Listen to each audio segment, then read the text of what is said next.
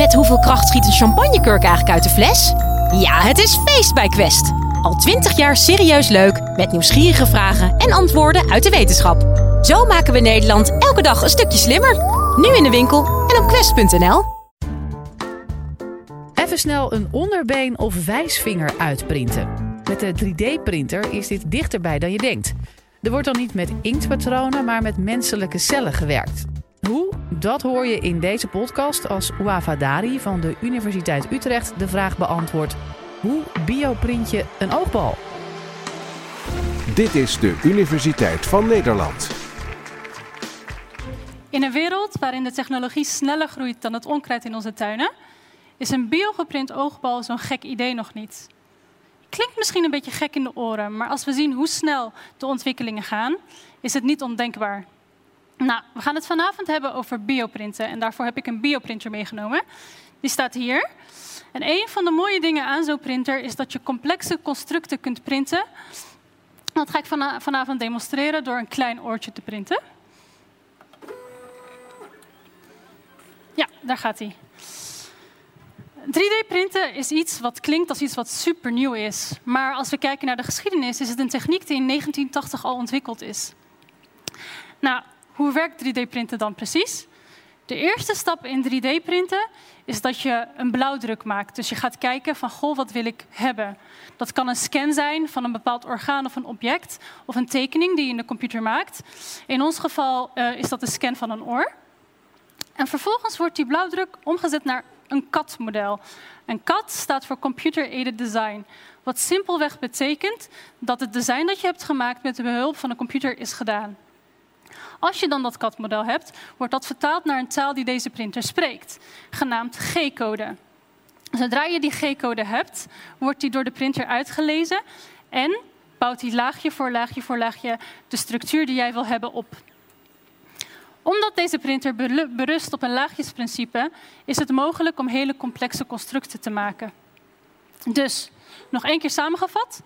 Je hebt een blauwdruk, die zet je om naar een CAD-model. Dat CAD-model wordt omgezet naar G-code. En die code wordt door de computer uitgelezen en, wordt, en vervolgens wordt het construct laagje voor laagje voor laagje opgebouwd. Je hebt verschillende soorten 3D-printers. Maar om functioneel weefsel te maken heb je een bioprinter nodig. En Zoals alle printers heeft een printer inkt nodig. En bij een bioprinter gaat het hier om bio-inkt. Wat is een bio-inkt? Bio-inkt is een uh, materiaal wat vaak bestaat uit biomateriaal gemixt met cellen. Ik heb hier biomateriaal bij me. Het is een gelletje. Dat kan een gel of een cement zijn. En zoals ik zei, kunnen daar cellen bij in zitten, zoals kraakbeencellen of huidcellen of spiercellen. En deze gel of cement die dient ervoor om het construct dat je aan het printen bent structuur te geven.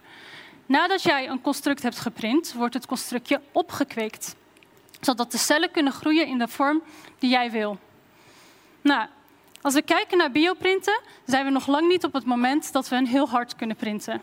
Maar op kleine schaal is al wel heel veel mogelijk. We kunnen bijvoorbeeld al stukjes huid printen of stukjes kraakbeen. Als we kijken naar de huid, is dat een weefsel wat relatief gezien minder complex is. Er zijn op dit moment cosmetische bedrijven die bio, uh, bioprinters gebruiken om op deze manier geen dierproeven te hoeven doen. Wat zij doen is zij gebruiken een bio-inkt waarin huidcellen zitten, zodat ze stukjes huid kunnen uitprinten in een kweekplaat. Dit kweken ze dan vervolgens op totdat het gaat lijken op de huid van de mens. En daarna testen zij hun cosmetische producten op de huid. Nou, zoals ik vertelde, is de huid een weefsel wat al redelijk goed is onderzocht. Het zal dan ook niet lang meer duren voordat we in staat zijn om stukjes huid van een patiënt met een brandwond of een patiënt met een erge huidaandoening te kunnen genezen door gewoon een nieuw stukje huid te printen. Het zal er dan ongeveer als volgt uitzien. Allereerst zal er een scan worden gemaakt om te kijken hoe diep de wond van de patiënt is. Vervolgens zal er een nieuw stukje huid worden opgebouwd en dat zal dan laagje voor laagje gebeuren met in elke laag een ander celtype. Een ander, een ander weefsel wat al redelijk goed uitgedacht is, is kraakbeen. Nou, kraakbeen zit in onze neus, in onze oren en in onze gewrichten. En als kraakbeen beschadigd is, groeit het niet meer terug. Dus het is redelijk interessant om te kijken of we beschadigde stukjes kraakbeen kunnen vervangen door kraakbeen dat geprint is. Als we kijken naar kraakbeen in de knie, dan bestaat dit uit drie verschillende zones. Je hebt de diepe, diepe zone, je hebt de middelzone en je hebt de oppervlakkige zone. Op dit moment doen we onderzoek in Nederland naar het printen van een kraakbeenschijfje. En dit zal dan in de toekomst gebruikt worden om defecten te genezen, daar waar een defect is ontstaan in een gewricht. Nou, hoe gaat dat dan? Allereerst wordt er een scan gemaakt van een knie om te kijken hoe, hoe groot het defect is. Vervolgens wordt er door een computer een model gemaakt en wordt er uitgerekend hoe groot het construct moet zijn. Dit model wordt dan vertaald naar de taal die de printer spreekt, de G-code, en kan het printen beginnen. De eerste laag die wordt opgebouwd is een laag die dient als ondersteuning voor de cellen.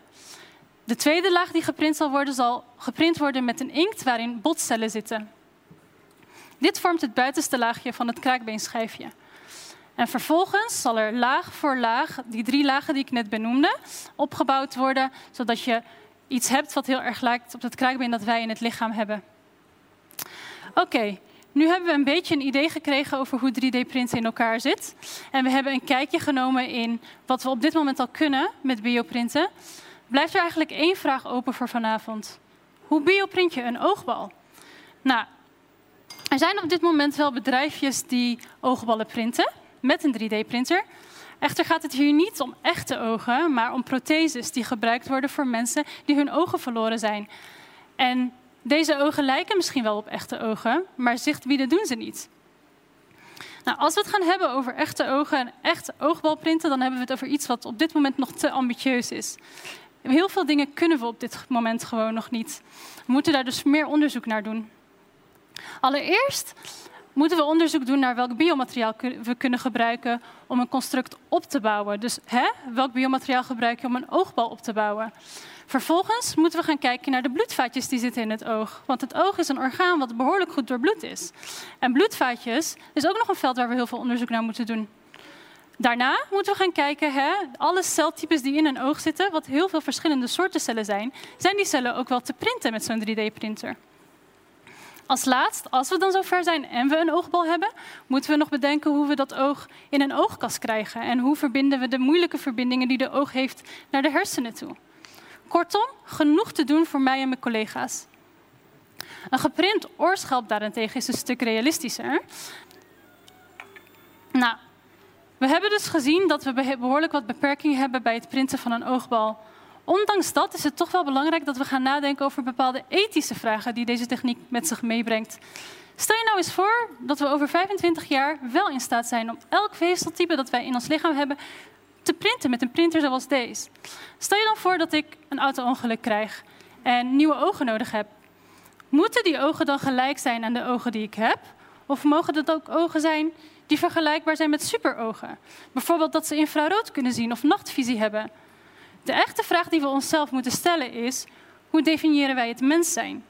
En is de mens maakbaar? Mogen we bioprinten gebruiken om alleen te genezen? Of is het ook toegestaan om bioprinten te gebruiken om bestaande organen en weefsels te verbeteren? Dit zijn vragen waar ik het antwoord niet op heb. Dit zijn ethische kwesties waar u en ik samen over moeten nadenken. In mijn ogen is bioprinten een techniek die heel veel potentie heeft om te genezen. Om die reden blijf ik de grenzen van de geneeskunde opzoeken om op die manier duizenden patiënten te genezen. Dank u wel.